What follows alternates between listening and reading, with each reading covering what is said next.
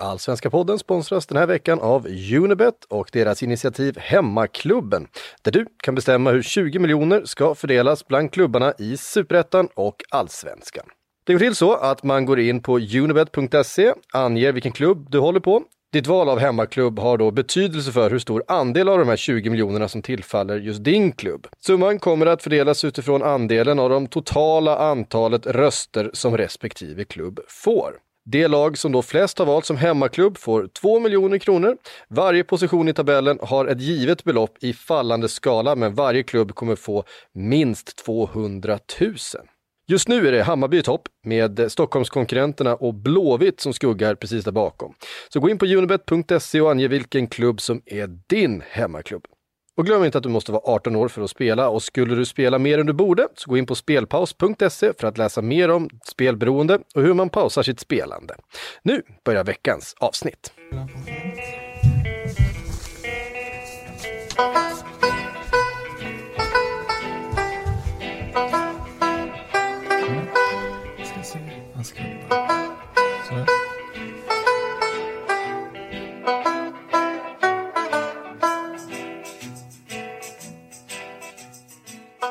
Hej och välkomna till den allsvenska podden som görs i samarbete med Robert Laul och Per Boman. Det är jag som är Laul och det är du som är Boman. Hej Per! Hej!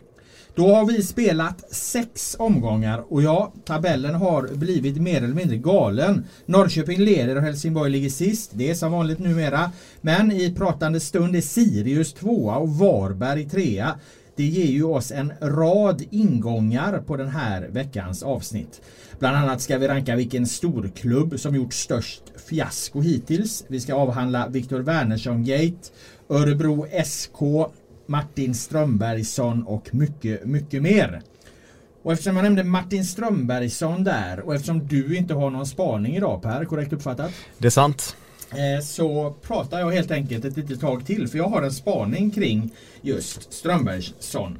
Och det beror ju på att eh, en av de, de största nyhetshändelserna i den här veckan är ju domen mot domaren. Eh, och då tänker jag på att Martin Strömbergsson inte får döma mer under 2020 efter den kränkande kommentaren till Ali Keita. En förkastlig kommentar givetvis. Som inte har någon plats vare sig i fotbollen eller samhället. Och det är alla överens om, inklusive Martin Strömbergsson själv. Eh, han straffas hårt, för i praktiken innebär ju det här, vad det verkar, att hans domarkarriär är över. Eftersom det känns, känns tveksamt om Svenska fotbollsförbundet kommer ge honom något nytt kontrakt när han nuvarande går ut. Passande nog då i samband med att avstängningen går ut den 31 december. Så det är en form av yrkesförbud därmed. Och jag tänkte pröva några tankar här på dig Per. För du, du är ju en uttalad antirasist som har vikt delar av ditt liv åt att bekämpa rasism i olika sammanhang. Så jag tänkte testa på dig här om mitt resonemang håller. Utöver då att det är vedervärdigt att vi har en rasism i samhället, för det är ju nummer ett, så är det också obehagligt när kampen mot den här förhatliga rasismen drabbar människor där man på goda grunder kan anta att det har begåtts ett misstag. Eh, jag är i alla fall inte beredd att rucka på min princip om att människor inte längre får göra fel. Vi får inte bli så otroligt dömande som samhälle att nyanserna helt försvinner. Vi måste kunna prata om olika situationer och vi måste kunna ha verktyg för att avgöra om olika situationer är olika allvarliga. För om bestraffningar slår stenhårt och blint då kommer vi få ett väldigt ängsligt samhälle där folk är väldigt rädda för att göra fel eftersom konsekvenserna kan bli helt oproportionerliga gentemot vad deras brott är. Eh, och rädda människor är inte bra i ett samhälle för det leder till andra negativa konsekvenser. Så vi leker med tanken att Martin Strömbergssons kommentar inte är rasistisk. Att den är något du Per Boman, som jag ju vet är 100% antirasist, kunde ha råkat säga i ett svagt ögonblick. Och att det råder då alltså ingen tvekan om det. Ska du då straffas med i praktiken ett yrkesförbud från Aftonbladet?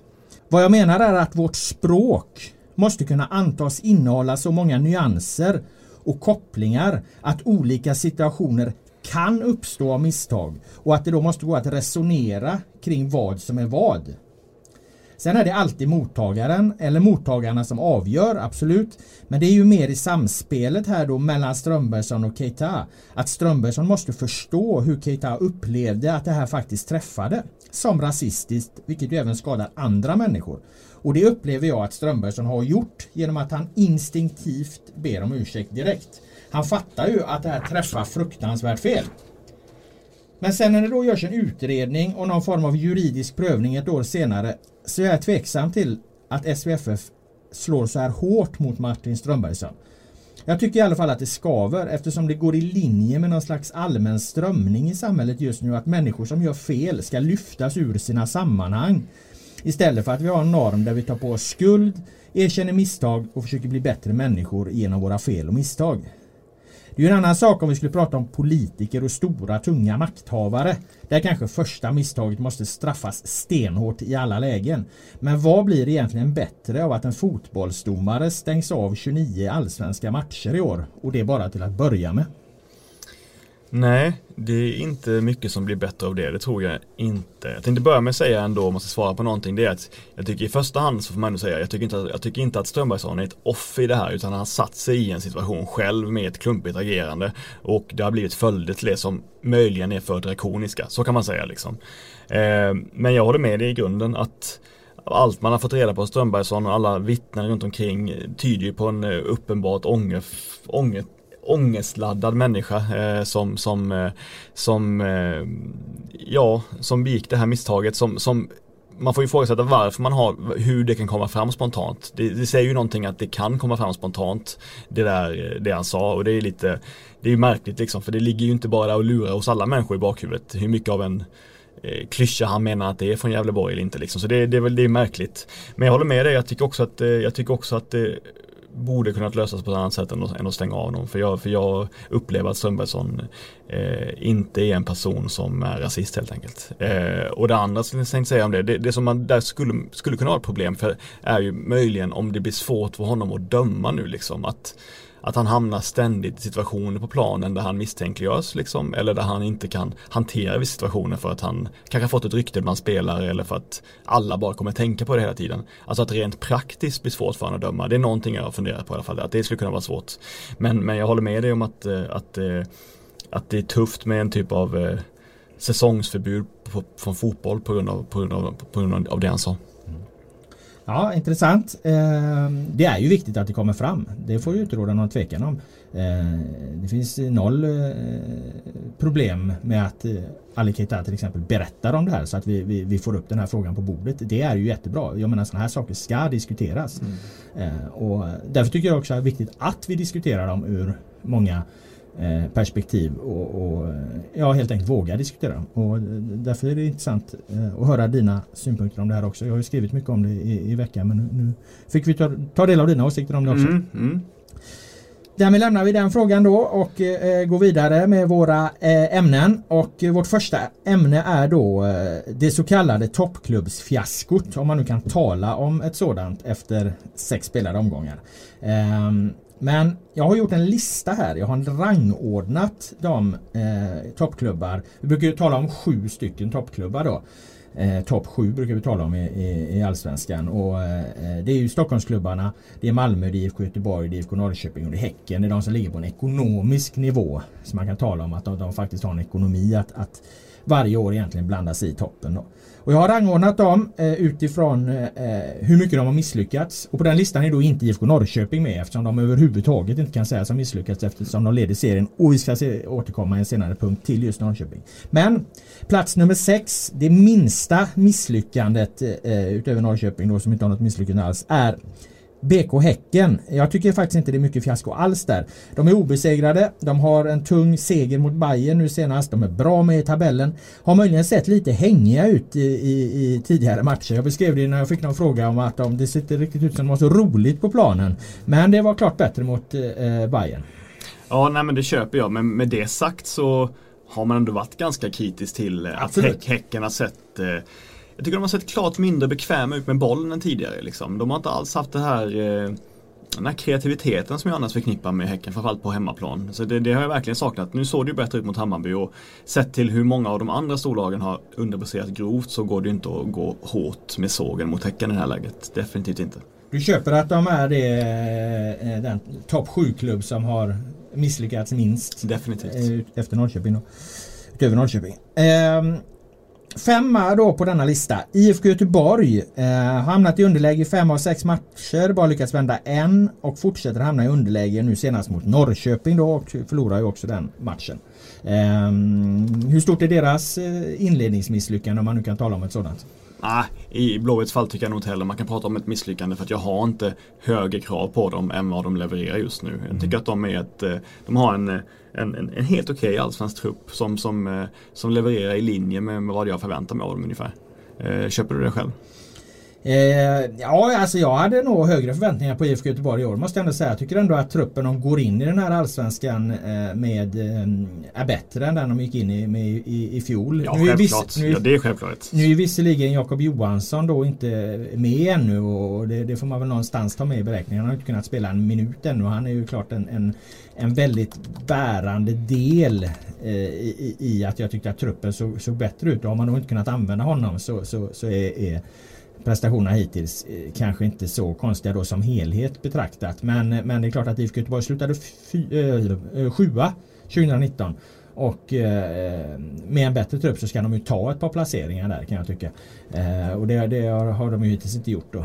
Nej, men det, det känner mig jag känner mig trygg med att de kommer göra det helt ja, enkelt. Men, att, men sen finns det ju saker då där man, eh, man, man liksom kan anmärka på det här som har varit mindre bra. Till exempel det här med att de släpper in första målet hela tiden. Det är klart att det, fortsätter de att göra det så, så kommer det inte bli något bra för dem. För att det finns ett antal sanningar i, i, i fotbollen. Um, visserligen kanske man fått ompröva några av dem under den här corona, mm. coronasäsongen. Men just att släppa in första målet är inte bra. Ett lag som hela tiden släpper in första målet kommer inte vinna särskilt många fotbollsmatcher. Det, det, det är ett faktum. Det är, det är en av de starkaste parametrarna som avgör hur en fotbollsmatch går. Faktiskt. Exakt, men jag tror att ja, själv, nu är de har inte gjort jättelite mål men skälet till att de släppte in första målet är ju för att de har gjort få mål själva. Det, är det, alltså, som jag menar, det, det, det, tror jag är det viktigaste skälet. Liksom, att de mm. har eh, Eh, helt enkelt gått in med en trupp som har varit felbalanserad. Eh, saknat centrala anfallare nu när Robin Söder gått sönder till exempel. Att det har varit ett stort problem. Så att, eh, eh, det tror jag, jag, tror att de, jag tror att de släppte in det första målet för att de var dåliga, dåliga på att göra mål själva snarare än, än, att de kanske har ett uselt försvarsspel. Ja.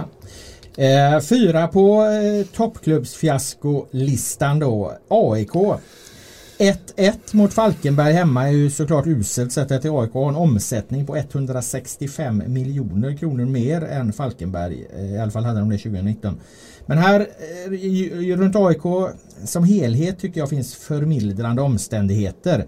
Ehm, um, AIK gör något helt nytt. De spelar med ett halvt juniorlag och jag är inte beredd att döma ut AIK efter sex omgångar. Uh, jag tycker tvärtom att det de gör sammantaget är ganska spännande. Därför har jag placerat dem på plats fyra på den här fiaskolistan. Ja, jag tycker väl ändå att eh, man säger så här poängmässigt så är AIK ingen besvikelse. Det är de inte. Däremot så hade jag väntat mig, jag hade väntat mig att AIK skulle leverera lite färre poäng än, än vad jag hade trott men att de hade stått för fina, intressanta spelmässiga insatser. Nu tycker jag verkligen att de har stått för där deras eh, så säga, nya fotboll har gått tillbaka de senaste två matcherna mot Blåvitt och, eh, och Falkenberg. Där det har varit eh, mycket, mycket svaga insatser som inte riktigt har, ehm, där man inte riktigt sett den här utvecklingen som, som man hade kanske väntat sig. Jag, jag tycker att, att AIK är så pass stor klubb så att man kan liksom inte helt bara säga så att det här är en process utan man måste ju faktiskt bedöma de enskilda insatserna också. Och matchen mot Falkenberg var extremt dålig. Alltså Falkenberg var det klart bättre laget. Eh, jag ser flera problem med, med AIK. Dels så Dels så tycker jag att de lägger alldeles stort ansvar på de här unga spelarna. Det är väl jättebra att de spelar in unga killar, det tycker jag verkligen man kan göra. Det, det, det, det är också nödvändigt av dem, det är något som de är tvungna att göra för att ja, få en bättre ekonomi i framtiden. Men, men jag vet inte vad man kan vänta sig att Paulus Abraham och Tom Strannegård liksom ensamma ska bära AIKs anfallsspel och att de två som är mellan 17 och 18 ska Eh, med liksom individuella maxprestationer på något sätt se till så att AIK skapar chanser. För jag tycker att det är det, den bördan som Norling lägger på deras axlar just nu och det, det, det tycker jag är väl tufft mot dem helt enkelt. Men, men är det inte så att eh, fiaskot styrs lite av vad, vad klubben själv har för ingångar i det här. Om man går in i en serie med något helt nytt och väldigt många unga spelare då är ju AIK Norling allihopa, de är ju helt över, ö, övertygade om att okay, om det här kommer drabba oss på något sätt, då är det att våra prestationer kommer vara, vara väldigt ojämna. För att det är vad som sker eh, om man gör något helt nytt och man dessutom gör det med unga spelare för att vi vet att unga spelare dippar väldigt mycket upp och ner i, i, i prestationer. Det är någonstans fakta. Då har man ju det här helt med sig. Eh, då, då, då, tar man ju den här konsekvensen att okej okay, det är så här det kommer vara. Vi, vi, vi, gör det här men vi vet att det är också så här Eh, eh, det kommer bli. Då har man ju tagit med det i beräkningen att det är värt att göra det här eh, gentemot de negativa Eh, konsekvenser det kan få men också positiva. För jag menar det finns ju i det här finns det också väldigt fina insatser. Du har ju derbyt mot eh, Hammarby. Du har Malmö-matchen som jag såg då som jag blev väldigt färgad av. Vilken av dem? 2-2 uh, matchen på Friends mm. där de, där de liksom förlorar på två straffar egentligen men, mm. men är nära. Det finns jättemycket intressant i deras spel. Så att, då blir jag ju väldigt färgad och då kan man ju ena sidan säga ja det är helt logiskt att de faktiskt gör ett par bra prestationer.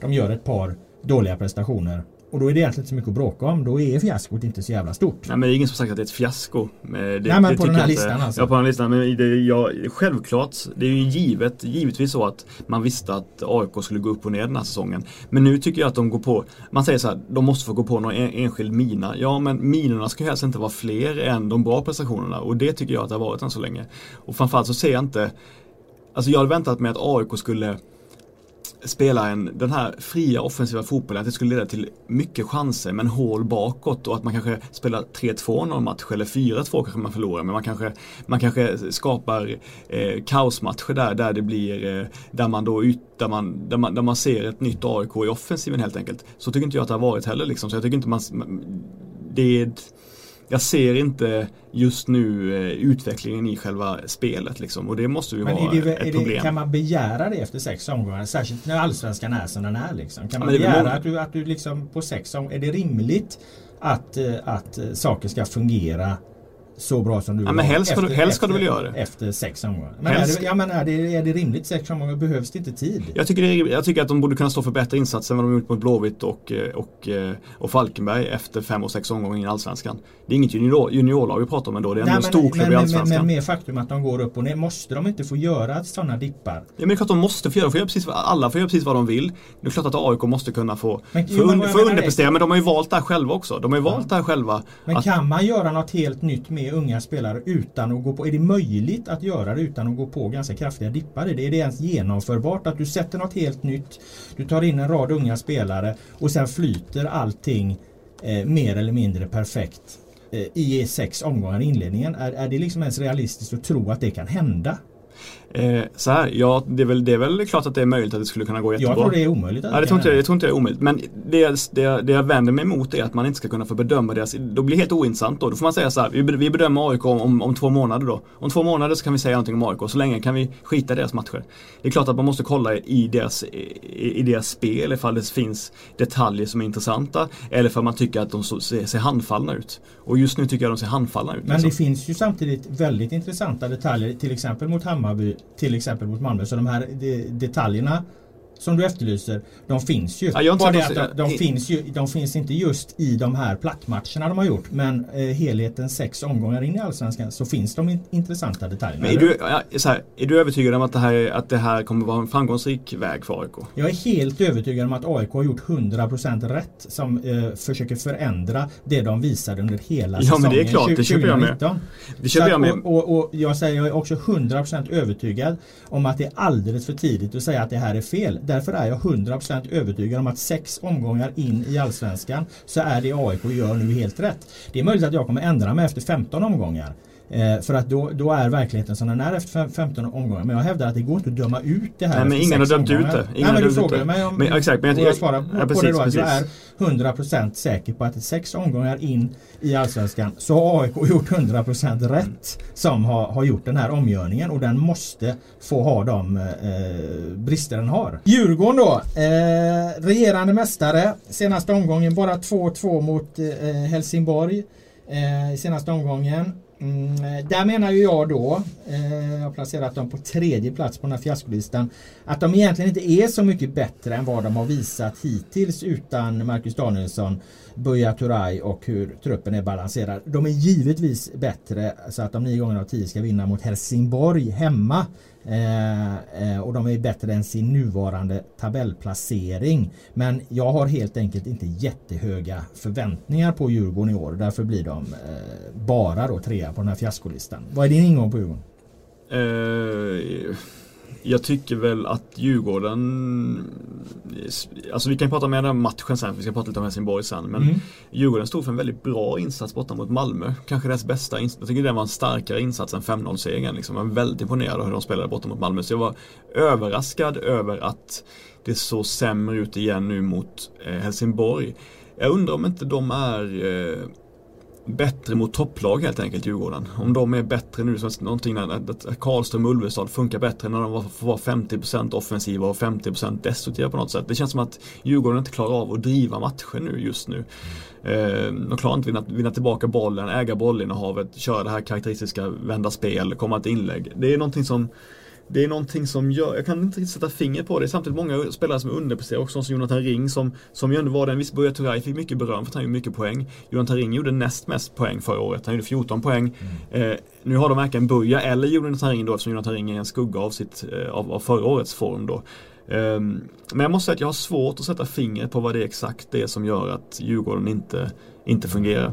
Nej. Och ofta när man kommer i läget man har svårt att sätta fingret på vad som inte fungerar. Det är olika saker som inte fungerar hela tiden. Då är det ju helt enkelt så att laget är inte, inte så jävla bra. Och jag tror att det är Djurgårdens grej att, att eh, utan Marcus Danielsson och, och Buya Turay så är de ett klart mer beskedligt lag. Särskilt om de nu får, får liksom skador på, på viktiga spelare och, och de, de eh, ska hållas borta. Jag tror att vi kommer sitta här i princip hela den här säsongen och konstatera ungefär samma sak. Kanske inte givetvis att Djurgården ligger tia men att de kommer skvalpa runt här någonstans plats 5, 6, 7 för de är helt enkelt eh, utan de två spelarna och utan det flowet de kom in i som vi inte får glömma och det flytet de kom in i så, så, så eh, är de helt enkelt inte, inte bättre. Och det spelar inte så stor roll för att då blir det, lagar du ett hål någonstans så dyker det upp något annat någonstans. Jag menar, man kan ju inte, man kan inte kräva att alla lag ska vara bäst hela tiden. Man kan ju inte säga att Djurgården måste liksom ligga på plats ett. Och för att de har helt enkelt inte ett lag för det. Och att då hitta saker eh, och förklara bort att de inte ligger eh, på plats ett. Det blir någonstans i längden Eh, det blir någonstans i längden ett felfokus för det är helt enkelt så att deras trupp håller inte riktigt för att vara ett, ett, ett, ett topp tre-lag. Så tänker ja. ser jag dem. Det som var oväntat senast nu det var ju att de fick ju till sist för, för kanske första gången den här säsongen igång nummer 10-rollen med Kalle Holmberg. Mm. Han såg väldigt fin ut första timmen han fick spela. Han fick bli utbytt han spelade bara en timme.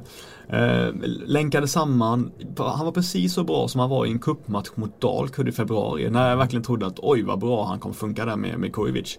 De gör mål också genom att pressa högt tidigt, eh, få ett mål på grund av det. Så jag menar, för det är också att ett bekymmer att pressspelet inte har fungerat. Så att när de två delarna ändå funkade bra i första halvlek tänkte jag men, ja, men då kanske Djurgården är på G ändå. Sen är det som att de inte lyckas upprätthålla det. Målen kommer ju till eh, som de ofta gör i Djurgården på Aslak von Wittris kant. Han är ju en av de bästa offensiva högerbackarna men defensivt har han ju uppenbarligen bekymmer liksom. Mm. Men, men, och sen så är det den sista grejen då med Djurgården det är ju att jag skrev om det i min krönika efter matchen att det, det, det, känns alltid banalt att prata om det men de får inte till det här trycket som de fick varenda hemmamatch förra året när de bombarderade motståndarlaget. När de blev tröttare och tröttare motståndarlagen. De backade längre och längre ner och det blev det här eh, Eh, extrema trycket mot mål helt enkelt. Jag vet inte, jag har aldrig trott att det varit så viktigt men publiken måste ju vara väldigt viktig i det sammanhanget. Ja det är det absolut. Det tror jag är högst relevant och att det förstärker den här bilden. Och om du tänker på nu, nu sa du att Kalle Holmberg var bra i nummer 10-rollen där. Det är ju i så fall första gången i år då, få till någon i nummer 10-rollen. Det är också egentligen första gången eh, under 20... Det, det fungerar ju inte heller under 2019. Det var ju egentligen det, det problemet vi satt och pratade om med, med Djurgården att de inte riktigt fick till det. Jag menar det, eh, Astrid hittar inte in i den eh, rollen. Kalle Holmberg har inte hittat in i den rollen nu. Eh, de har prövat lite andra alternativ i den där rollen. Men, men i, i, i fjol hade de Danielsson där bak och började fram och ett jävla flow liksom. Så att då, då, då sminkades där, den där bristen över. I år blir den mycket mer eh, tydlig när man inte har de här extrema spetsspelarna. Mm. Där tror jag man eh, landar med Djurgården. Ja, just nu gör man det absolut. Eh, då går vi över till, eh, för nu börjar det bli eh, spännande här på våran fiaskolista. Då går vi över till de två toppplatserna där då och då har vi ju Ja, när jag säger tvåan så vet ju alla vilka ettan är men vi kan väl köra tvåan för formens skull ändå. Hammarby då eh, anser jag vara det lag som har gjort eh, störst fiasko hittills av toppklubbarna. näst störst menar du? Näst störst, förlåt. Mm. Näst störst av, av toppklubbarna. Eh, näst störst, tvåa på listan, inget annat. Eh, Hammarby blev ju då kölhalade senast mot Häcken och har ju egentligen hela året utöver just den första matchen mot Östersund eh, varit en skugga av sitt eh, fjolårs jag. Eh, I fjol vet vi att de gjorde två och ett halvt mål per match. Snittade de. Nu har de gjort, snittat ett mål per match. Det känns som att motståndarna på ett helt annat sätt har lärt sig att läsa Hammarbys offensiv. Eh, Andreas Alm han ställde han ställde Alexander Söderlund och Iran Dust på Bojanic och, och Jeppe Andersen slog bort dem. Bojanic också varit en skugga av sitt eh, fjolårsjag. Eh, fjolårsjag. Eh, eh, Djurdjic eh, verkar saknas mer än man tror och, och Jeppe Andersson har heller inte riktigt komma, kommit igång. De har inget eh, naturligt jättefint centralt anfallshot utan väldigt mycket landar liksom på Tankovic och Kasaniklic och de är fortfarande bra. bra. tycker jag mm, de här två. Men de blir liksom på ett annat sätt ensamma och det blir lättare om man liksom skärmar av andra delar av Hammarbys spel nu som man, man klarar. Då är det också lättare att hantera de här två. Då blir det liksom bara de som, som utgör hotet. Mot Häcken hamnade ju eller, ja, mot Häcken hamnade Hammarby då i ett läge då det återstod inlägg för dem. Och inläggsspelet är inte Hammarbys grej liksom. De har ingen Zlatan där ännu som kan eh, trycka dit den. Men det är väl det stora problemet det du säger att Jeppe Andersson och Bojanic eh, inte alls kom upp i den nivån. För det, det är väldigt oväntat för mig. Jag menar, Boj nu ser Bojanic ut som den här lite slappa spelaren han var för några år sedan.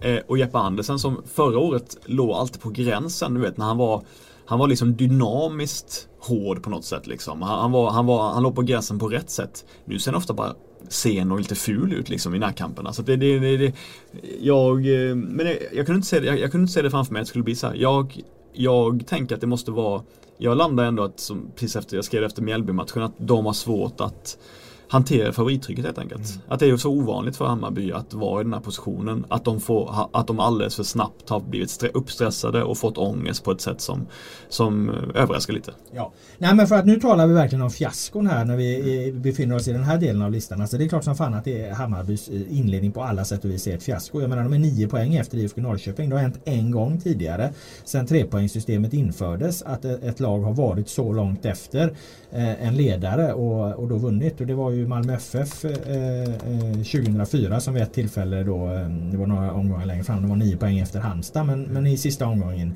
gick ikapp. Så att i princip så, så är, det ju, är det ju läge att räkna bort Hammarby från guldet. Eh, nu är den här allsvenskan väldigt speciell så att det, det kanske är för tidigt men jag menar med, med Precis det du är inne på.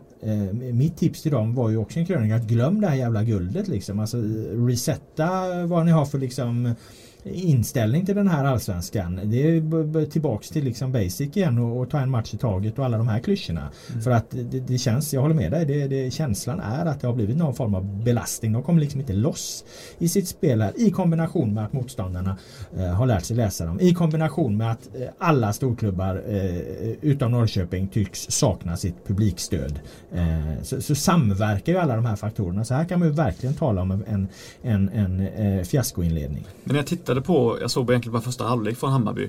Sista halvan av första halvlek tycker jag de såg väldigt bra ut ändå. Eller det var någonting som jag bara fick för mig eller? För då tycker jag att de ut som att de verkligen hade tryck på Häcken och skapade mycket chanser. Var det inte så mm. överlag i matchen alls då? Ja, men det var väl lite så att eh, Häcken gjorde ju mål. Mm. Och då, klyschan eh, mål förändrar matchbilder och det här att jag menar Hammarby eh, flyttar fram positionerna, Häcken tar ett litet kliv tillbaka.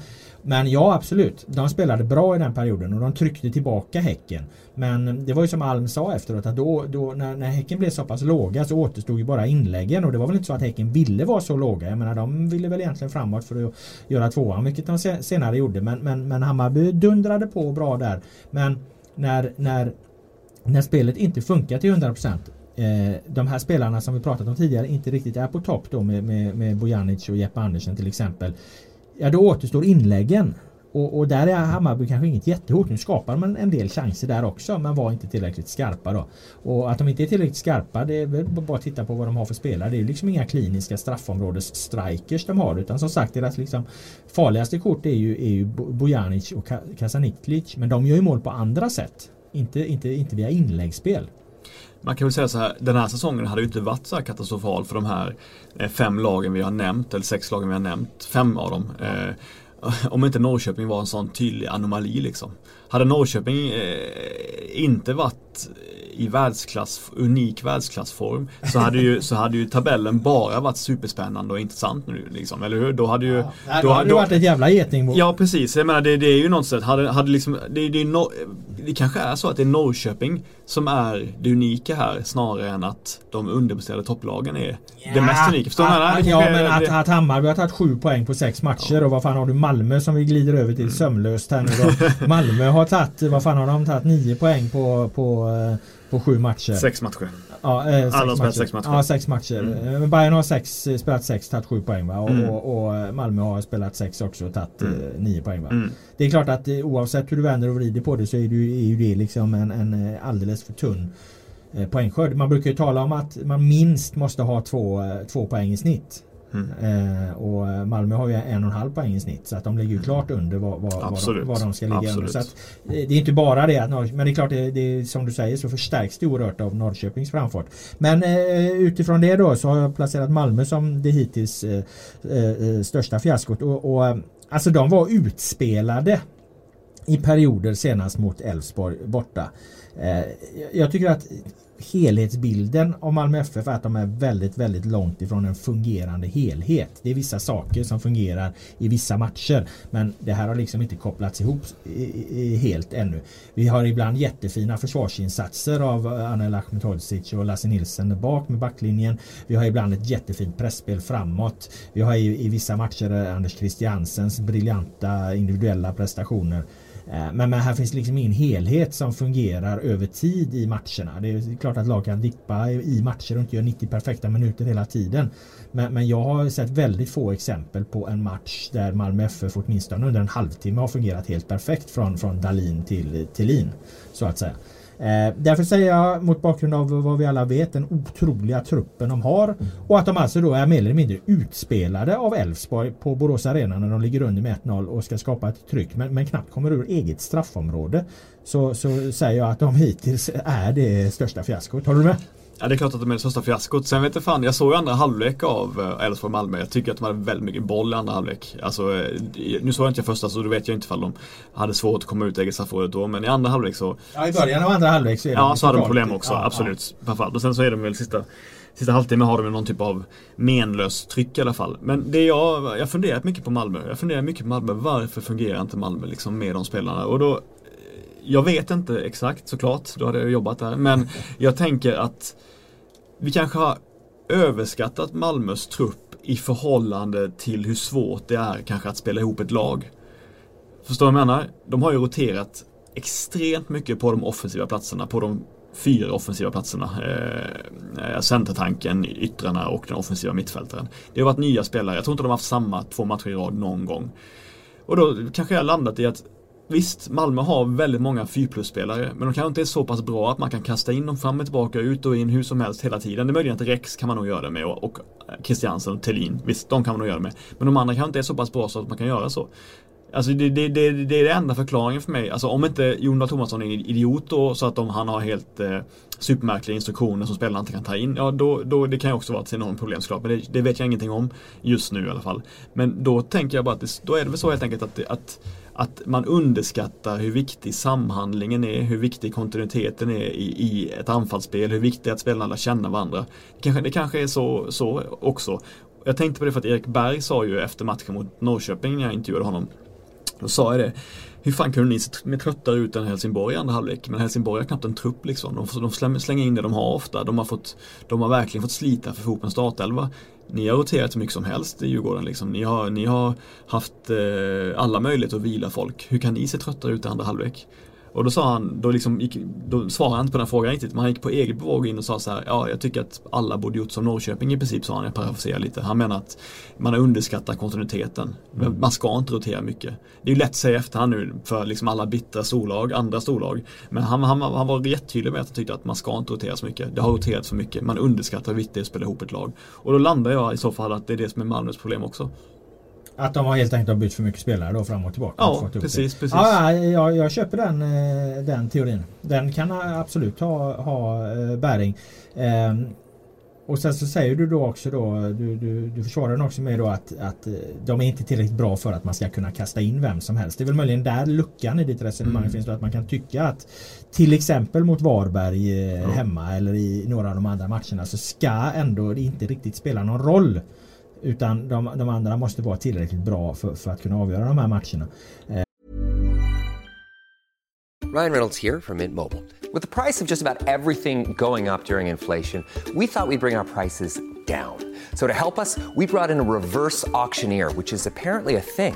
Mint Mobile unlimited premium wireless. Ready to get 30, 30, bit to get 30, bit to get 20, 20, 20, bit to get 20, 20, bit to get 15, 15, 15, 15 just 15 bucks a month. So, Give it a try at mintmobile.com/switch. slash $45 up front for 3 months plus taxes and fees. Promo rate for new customers for limited time. Unlimited more than 40 gigabytes per month slows. Full terms at mintmobile.com.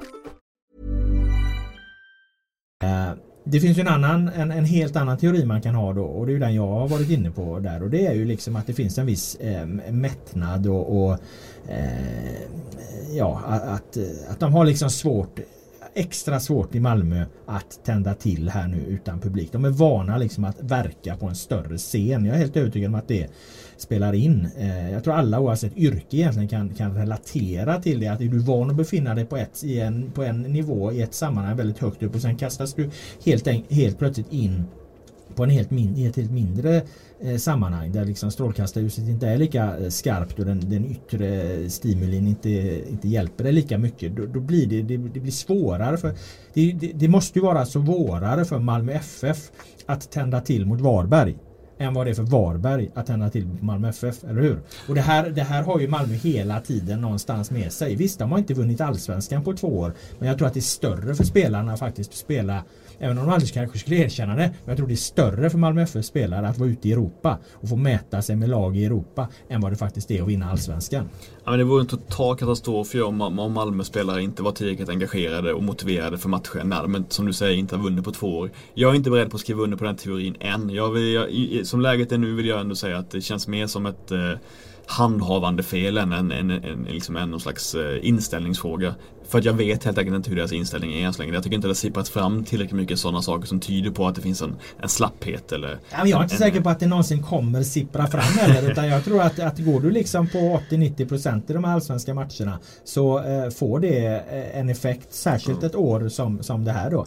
Men eh, en sak man, som många redan har pratat om det är ju såklart att Bachirou eller Vicky är ju utmärkta spelare var och en för sig. Men de kan, kanske inte ska spela tillsammans på ett sittande mittfält. Jag tänker att mycket borde lösa sig om att liksom, man säger så här, oh, kolla de är så beroende av Christiansen. Men Christiansen har ju fått en roll där de ska vara beroende av honom. Han har fått en fri, helt fri offensiv roll där han ska sticka upp och göra avgörande saker. Det är inte konstigt att han har tagit avgörande.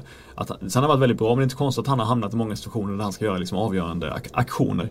Ehm, och därför är det ju såklart jobbigt då att kanske flytta ner honom på, på, på, på någon slags halvsittande mittfält istället. Men jag tänker ändå att om Malmö kan ställa upp med Bachirou slash Lewicki slash Rakip med Christiansen Toivonen framför, Rex till vänster, Tröjson till höger, eh, Kistelin på topp jag kan inte säga att det inte ska, att det inte ska funka på, på, på, eh, på eh, om, det kan vara för sent då. Norrköping kan, kan, gott, kan, kan, kan, kan ha sprungit ifrån. Men på, på, på, på längre sikt kan, kan inte jag säga att det inte kommer fungera liksom.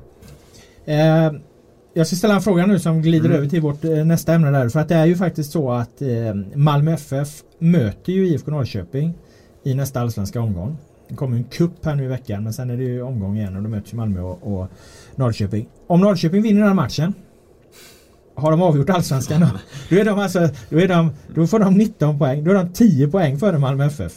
Efter sju jävla omgångar. Det skulle vara ja, givetvis eh, alldeles för tidigt och bla bla bla. Men alltså det skulle vara en, alltså det skulle vara en, en, en totalt sensationell start om de, nu, om, de, om de vinner över Malmö den matchen. Alltså den är ju oerhört viktig alltså. Alltså att leda med 10 poäng före Malmö FF. Men man kan, man kan gå så långt som att säga att då har de mellan 80 och 90% chans att vinna Allsvenskan. Ja. Så kan man säga Alltså i alla fall. oerhört om det händer alltså. Ja.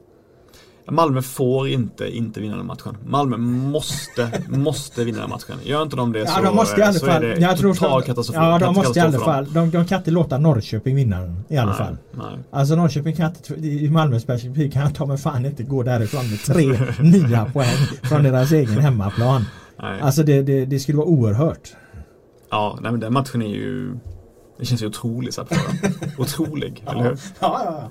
Alltså Nej, de, ska det, är det, är- det, är Du väg- avbryta din eh, semester exakt, för att hänga med exakt. på den här matchen. Det, det är vägskälet som den här matchen är. Ja, ja, är går, inte, går inte ta in. Nej. Det är den största matchen på väldigt länge. Vi borde skriva en snabb bok om den här matchen inför den matchen. Eh, men, det för oss in på Norrköping då alltså. Eh, och det här då intressanta med att de har spelat med i princip samma lag hela tiden. Är det liksom det som är grejen? Ja, jag vet inte, det är klart att det är en viktig del av det. Och sen säger ju Simon Tern hela tiden att ja, jag, jag är liksom jag tyckte att de, att, jag har sett både i mm, lokaltidningen Norrköping och så har jag sett många spelare prata om att eh, vi har förberett oss, de andra har inte förberett sig. Vi har tränat hårt som fan, de andra har inte tränat hårt. Jag, Vad fan vet de om ja, de har tränat? ja, nej men precis, instinktivt så brukar jag alltid vända mig mot det. Liksom, att, ja, vad vet de om det? Och liksom, eh, jag förstår att man säger så, men har man verkligen full koll på vad de andra lagen gör? Liksom? Samtidigt så, så går det inte att säga någonting om att Norrköping ser otroligt starka ut. De ser ju inte slitna ut för fem öre. Sen kanske de dippade lite mot Blåvitt nu jämfört med tidigare, men de vinner ju trots allt med 3-1.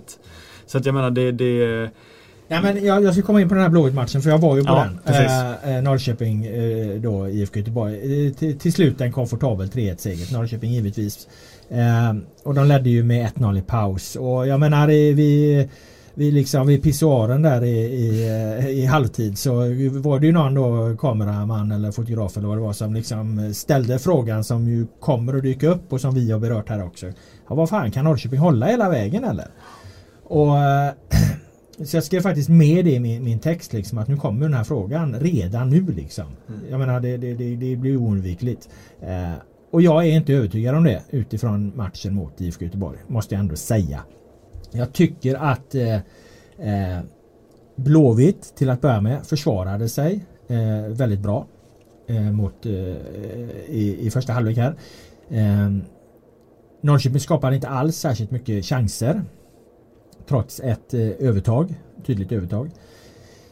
IFK Göteborg var alldeles för dåliga när de väl vann boll för att eh, hota Norrköping. Eller så var Norrköping för bra i sina defensiva omställningar som ju tränarna gillar att prata om. Eh, det är väl en kombination av det där. Blåvitt var i alla fall för dåliga i sina omställningar. De hade Karasvili och Aiesh på, på bänken exempelvis. Bjärsmyr var på bänken. Sana vilade dem för de har ju cupmatch här så att de vilade ju väldigt många många spelare i IFK Göteborg. Och mot den bakgrunden så var inte IFK Norrköpings seger så jätteimponerande. Det är klart att när de gör sitt 1-0 mål där så är det klass rakt igenom. Det är Haksabanovic passning. Eh, Isak Bergman Johannesson har oerhörda eh, talang. Eh, tar med sig den och, och vräker in en fantastiskt eh, mål. Hög internationell klass som jag skrev såklart. Eh, men sen så tar IFK Göteborg över i andra halvlek. Jag menar eh, Poja byter in eh, eh, både Aiesh och, och, och Karasvili och, och eh, då ser Norrköping plötsligt ganska darriga ut. Eh, och de får in kvitteringen också. Men sen är det nya då bra individuella prestationer eh, och så gör de 2-1 och så blir det 3-1 och så känns det ganska komfortabelt. Men, men, men jag var faktiskt som helhet inte jätteimponerad av den här eh, Nor- Norrköpingsinsatsen. Jag var klart mer imponerad av Norrköping när de mötte Elfsborg. Eh, fast det bara blev 1-1 mot Elfsborg. För då, då, där kan man tala om en fullständig kanonad av målchans. Det var helt otroligt. Eh, det var så mycket målchans. Det, det, var, det, det, apropå anomalier som du pratade om. Alltså den matchen var den, den, den borde inte få slutat som den gjorde. För så mycket chanser hade de. Eh, däremot kändes det faktiskt som att det här var ett litet prestationsmässigt. Även om resultatet var bra så kändes det lite prestationsmässigt som det var ett steg neråt. Och att det här då kanske börjar ta ut sin rätt nu med att de har spelat med många spelare samtidigt. Å andra Ja, sidan, de har, det är möjligt, men nu- ja, nu- de nu- har ju sina 16 jävla poäng och chans att mer eller mindre avgöra Ja, och framförallt Så- är det ju Malmö som ska spela cup nu Ja. i veckan. Innan nästa match. Det är Malmö som ska Ja. bli ännu slitnare och spela cup. Så att, menar, det, det, är ju, det är ju att åka ur kuppen var det smartaste som, som, som Norrköping någonsin har gjort helt enkelt. Det var ju briljant så här efterhand. För om jag, om jag ska vara helt ärlig, kuppen känns ganska kall i det här sammanhanget, gör inte det? Det var ju, väldigt, det var ju klart att det var en fin match mellan, mellan Malmö och AIK där i Ja, sammanhanget. det här året känns ju ja, cupen kall. Ja, det gör det exakt. Annars har ju kuppen såklart statusen höjts rejält sista Ja, 5-6 åren. jag såg inte ens kvartsfinalerna. Nej, men jag menar det, jag jag menar ska, eh, nog vet fan ens om jag ska kolla på semifinalerna. Jag tror jag- Finalen är ju alltid intressant. Men... Det är klart att Malmö behöver vinna guld, i, i, i, behöver vinna Svenska Cup eftersom de inte har gjort det på jättelänge. Men jag är ju säker på att supportrarna hade valt, om de fick, fick byta plats på, eh, på har ju helst gärna förlorat mot AIK cupen och vunnit med 4-1 i Allsvenskan. Ja. Hellre. Och det är ju mycket, mycket viktigare för Malmö FF att vinna mot Norrköping på, sön- eh, på måndag än vad det är att vinna, eh, vad fan möter de? Mjällby i cupkvartsfinal. Alltså den ma- matchen borde ju Malmö direkt vaska för att kom, kom, ja men absolut, Ja, komma med, med just det här året. Ja. Vad fan, de är ju redan ute i Europa. Vad, vad, vad, vad fan spelar det för roll liksom?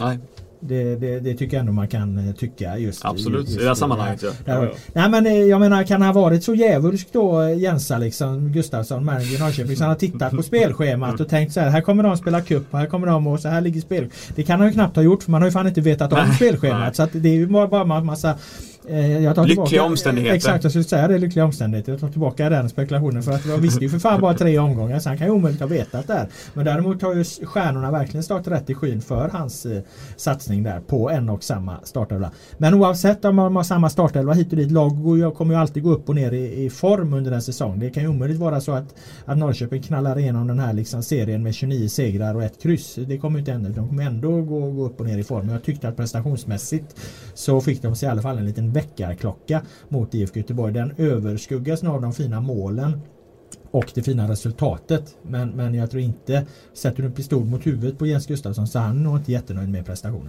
Men en sista grej om Norrköping då. Det är ju ändå intressant med Isak Bergman att eh, Johannesson. Det är ju att eh, han är en sån som verkligen har levererat utifrån förväntningarna. Utifrån de skyhöga förväntningarna. Jag menar, folk har haft koll på honom i flera år nu såklart. Vet att han är en jättestor talang. Han spelade redan någon cupmatch förra året och hoppade in och sådär. Men han har ju inte spelat jättemycket. Och vi satte han på plats ett över de största talangerna innan säsongen. Jag menade på att det här, är som, det här ska bli som att se Kim Källström liksom. När Kim Källström eh, slog igenom i Häcken och sen gick till Djurgården. Att man, det är ju nästan samma krav man haft på Isak Bergman. Och han är ju nästan i den klassen. Eller hur? Han är ju, han är ju, han är ju precis den typen av enorm talang. Jag blev uppringd av en isländsk journalist här. Jag jämförde honom med, med, med Batman. En, en superhjälte fast utan superkrafter. Vi får se om det uttalandet får genomslag på ön. Så att säga.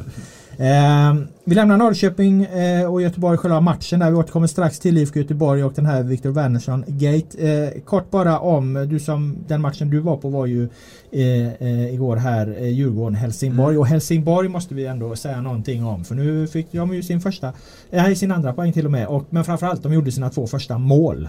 Ja, Sitter Mellberg säkert nu? Nej, det är så, så långt skulle jag inte vilja gå. Men det är klart att det var, det var, det var imponerande. För jag menar, ligga under med 2-0 efter två olyckliga eh, misstag. Tsuka som jag gillar egentligen. Gillar hans energi och framåtanda. Positionsspelet då? Ja, det, det är det sämre med liksom. Och beslutsfattandet. Men det kommer säkert. Eh, Men, men, men det var ju, det var ju, det var ju liksom två blytunga mål att släppa in.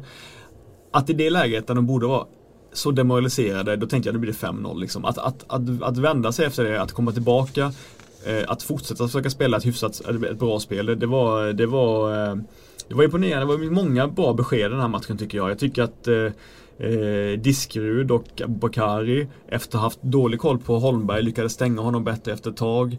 Jag tycker att det är sånt som van den Hurk som jag har liksom varit väldigt nära att döma ut. Jag tänkte att han, han har ingenting har jag känt efter ett tag. Jag tycker att bara han har sett ut som en poänglös köttare. Han kom in och visade att han har en välskolad touch. Han eh, spelar enkelt. Han binder ihop spelet med, eh, med Max Svensson och, och Gigovic. Så det ser jätte, jättebra ut här plötsligt. Eh, men framförallt är det en spelare som har imponerat under hela våren. Den enda hf som har varit bra genom hela våren och som också var jättebra mot Djurgården. Det är Martin Olsson. Vilken ledare han är. Alltså om någon hade frågat mig om, om, om Martin Olssons ledaregenskaper så hade jag sagt så här. Ja men det är klart att det är säkert en bra kille men han, han är nog ingen som, liksom, man kan liksom, som bär ett lag på sina axlar. Men det gör han verkligen i, i Andreas Granqvists frånvaro. Martin Olsson har varit exemplarisk liksom. När man hör honom på planen, han styr lagkamraterna, han snackar med alla. Han tar jättestort ansvar i, i, som mittback i en helt ny roll. Varit bra varenda match nästan som mittback också. Och är, ja, jag är jätteimponerad av Martin Olsson. Vilken karaktär han har visat och vilken, vilken, eh, vilken utmärkt liksom, eh, fotbollspersonlighet. Så att eh, Nej, det där, de kan verkligen vara glada över att, eh, över att han har spelat, eh, spelat för dem under, under våren. Liksom, men ska man inte vara den ledaren när man har, vad har han, ett jo, antal jo, mästerskap och så? Jo, men som mittbacken då, det är ändå ja. en helt ny position, ny position och, och, i ett sönderfallande lag så tycker jag att han har, han har verkligen steppat upp. Mm. Så det, det imponerar. En fin hyllning till eh, Martin Olsson. Vi går vidare till eh, den här så kallade Viktor Wernersson-gate eh, som jag har rubriksatt med Vad sysslar Kenneth Andersson med? För det var ju så att när den här historien dök upp i helgen så sa Kenneth eh, till GT att spelare och rådgivare måste förstå att det inte är så här man förhåller sig till elitfotboll. Detta sa Kenneth Andersson och gav då sken av att han inte hade koll på att Victor Viktor Wernersson var i Belgien och förhandlade med Mechelen. Men sen visade det sig att Wernersson haft alla tillstånd och tillåtelser han behövde. Ehm, det enda som var problemet eh, var ju att hans flyg blev försenat och han missade träningen. Men om man då ger en spelare tillåtelse att åka ut i Europa Corona Times, ja då får man räkna med att sånt kan hända. Och jag tycker att Kenneth Andersson har skött det här amatörmässigt. Jag håller med agenten Blash Hosseini här för en gångs skull eh, att, att eh, de kastade Viktor framför bussen mer eller mindre med hat och hot som följd då. Och jag tror eh, att det här då i grunden beror på att Kenneth Andersson inte var tillräckligt tydlig när första frågan dök upp. För han skulle givetvis ha sagt vi har gett Viktor tillstånd att förhandla med Mechelen. Han har rätt eh, att skriva på kontrakt eftersom han har mindre än sex månader kvar på sitt kontrakt. Resten tar vi internt. Så hade ju en chef då eh, som verkligen värnat om sina anställda eh, uttryckte, det, uttryckte när media ringde. Eller så skulle Kenneth Andersson helt enkelt inte gett eh, Viktor det här tillståndet att förhandla eh, med Mechelen eller tillåtelse att åka. Konsekvensen är ju då att Kenneth Andersson har bidragit till att skapa det här kaoset och eftersom han är högsta tjänsteman involverad så tycker jag att ansvaret vilar tyngst på hans axlar att göra situationen bra för hela IFK Göteborg och för alla i IFK Göteborg och det har Kenneth Andersson totalt misslyckats med. Eh, Poya Asbaghi räddade honom lite på presskonferensen efter IFK Norrköping, IFK Göteborg. Eh, Poya är ju smart men, men också Poya lämnade ut lite, eh, lämnade ut Viktor lite grann där. Poya sa tre, fyra gånger att Viktor har bett om ursäkt till laget. Eh, samtidigt så var det ju det enda Poya egentligen kunde göra för att inte ge bilden av att det pågår ett fullt inbördeskrig i klubben. Men jag tror och är ganska övertygad om att Poya inte är helt nöjd med hur Kenneth Andersson har agerat här. Um, jag tänker så här, jag tycker ju såklart att man, man ska ju inte agera i besvikelse som, som, som chef eller sportchef. Man ska ju inte låta det, låta, låta ens besvikelse, hur besviken man än är, hur dåligt man tycker att någon, någon annan har skött någonting så kanske det inte är bra att, att skrika ut det på det sättet för att det, det, det gynnar ju inte klubben och eh, på många sätt måste man ju låta sitt personliga ego eh, få inte gå före klubbens väl på något sätt. Så det, det kan, jag, det kan, jag, det kan jag förstå eh, att det kanske var väl hårt. Samtidigt så, jag jag, när jag läste texten så fick jag lite intrycket av att eh, Wernersson och hans agent hade fått möjligheten att eh, besöka Belgien i slutet av juni och att då fick de ett godkännande från IFK Göteborg. Eh, efter det så menar de att de, att de själva då har inte behövt godkännande för att åka ner till Belgien och formalisera i slutskedet av affären då att göra allting klart. Eh, och det, det, där tycker jag det är otydligt om de har fått, om man fått godkännande eller inte från, från klubben att göra det. Eh, och då kan jag ändå förstå att det finns en besvikelse från eh, den nuvarande arbetsgivaren att, att missa en viktig träning för att skriva på kontraktet. Det, det, jag, jag, eh, det kan jag, det kan jag det kan jag köpa att man, blir, att, man blir, att man tycker att det är dåligt helt enkelt. Mm. Men oavsett så saknas ju då tydligheten i hur IFK Göteborg hanterar den här situationen.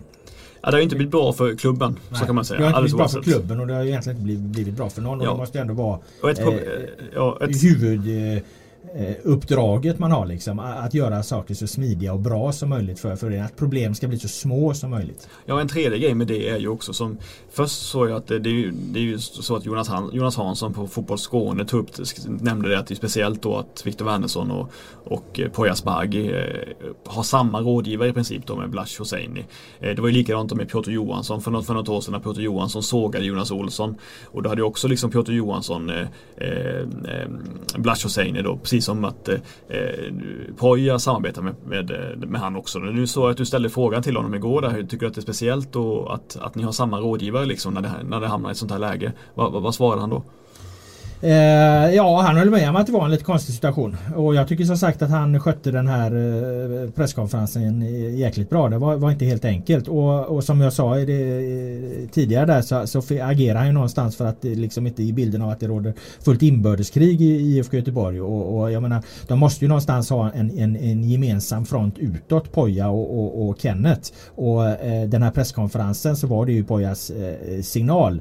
Eh, man lämnar ut Wernersson eh, som den som har bett om ursäkt medan eh, Poja säger att han och Kenneth är helt överens. Nu går de vidare gemensamt framåt allihopa. Så att jag menar Pojas krishantering på den här presskonferensen eh, var, var, var ju på många sätt eh, väldigt bra. Men, men, men jag tycker att i den här situationen så är, är det ett mindre problem att Poja att Blash Husseini har förhandlade eh, Pojas kontrakt med IFK Göteborg. Det är ett mindre problem än hur sportchefen Kenneth Andersson initialt eh, sköter kommunikationen kring den här eh, historien. Det är det som är liksom eh, hu huvudproblemet eh, som uppstår här.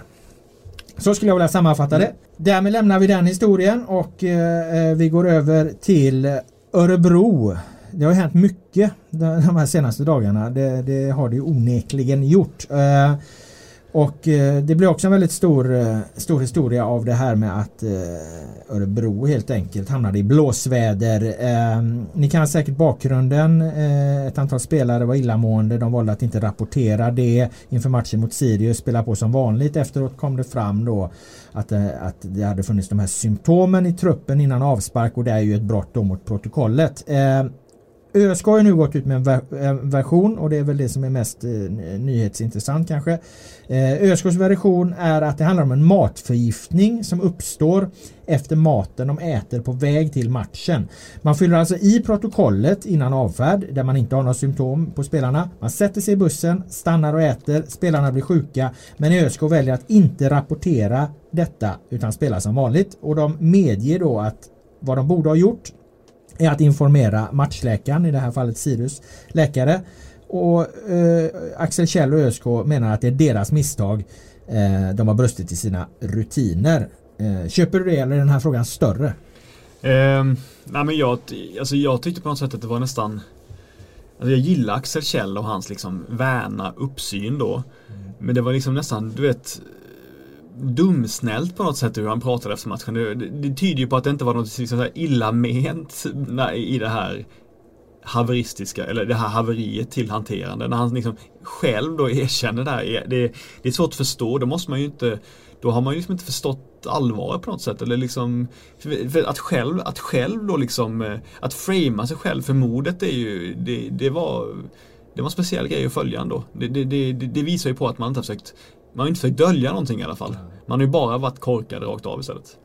Alltså Resultatet blir ju att man mörkar det. De mörkar ju det för eh, Sirius matchläkare. Mm. Men någonstans så, så, så kanske det liksom inte är, är, är meningen att mörka det egentligen. Precis. Utan det har andra eh, det har andra bevekelsegrunder då helt enkelt. Jag tycker att eh, det spelar liksom ingen roll i det här läget. Här blir det någonstans så jäkla viktigt att markera. Jag menar det här vilar ju någonstans på ett förtroende att saker och ting måste skötas 100% professionellt. I det här fallet är jag för ett snabbt och hårt, eh, en snabb och hård bestraffning av Örebro just för att visa en, en tydlighet att vi kan inte bara låta det här passera utan eh, här, här, måste, här måste fotbollen sätta ner foten. Vad, vad ska de annars göra liksom? Annars blir det ju bara en eh, papperstiger i det här protokollet. Nu när det har framkommit att det var så här det var. Mm.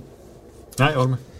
Vi lämnar Örebro och eh, vi måste prata lite om Sirius också. De ligger ju trots allt tvåa i, i Allsvenskan. Och eh, har du något du vill berätta för lyssnarna här eh, om Sirius, Per Boman? Nej men man ska vara ärlig såklart att vi När du gjorde din årliga tidiga tippning av Allsvenskan Då satt du, då sa du kan du kan väl kika bara se ifall du tycker att något, något som ser konstigt ut som man ändå kan be en kollega göra ibland. Och då kollade jag Satt jag med något två stycken andra kollegor och kollade igenom ditt tips och så såg jag att Sirius låg på en eh, sjunde plats va? Var det inte det? Jo, jag tror jag hade den sjunde, eller, sjunde eller åttonde platsen. Ja, och, och, sen, och så minns jag att vi satt, Sexa kan det till och med varit. Satt vi och prat, ja, vi satt och pratade om det och tänkte jag att nu har han väl till slut tappat det helt liksom. Så, alltså, eh, vi garvade högt åt, åt, åt att du hade unnat dig liksom eh, den typen av eh, lösning då att Sirius skulle vara så högt upp för att jag var en av de människorna då som en av de eventuellt enfaldiga människorna som tänkte att nej men det är för mycket rutin som har försvunnit det är eh,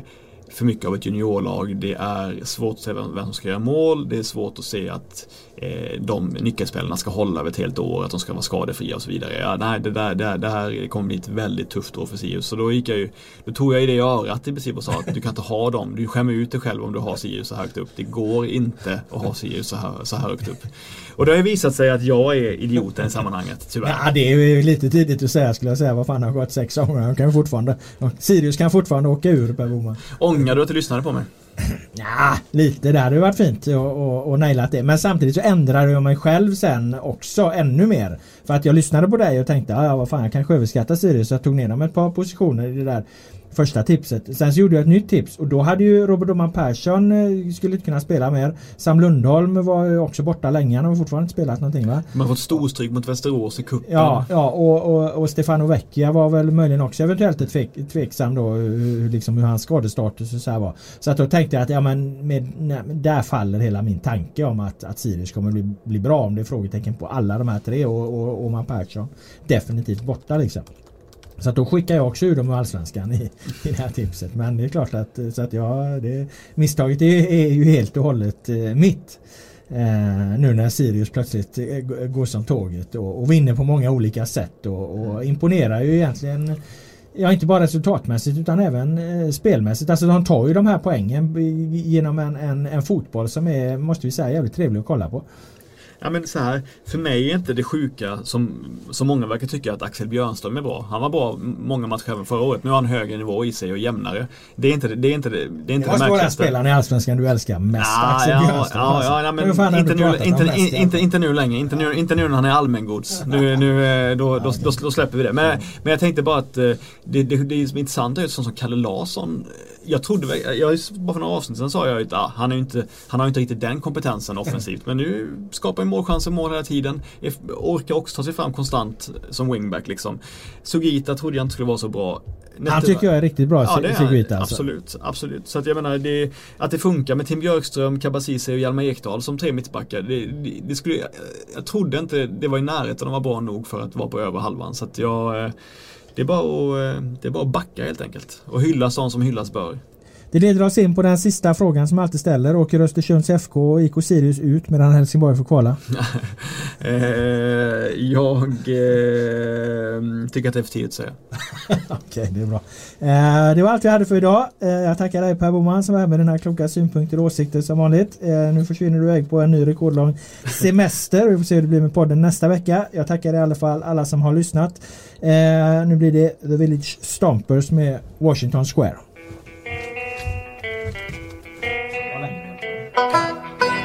Eller inte? En och en halv? Nej. Ja, men det är minuter. Men det var väl bra att vi...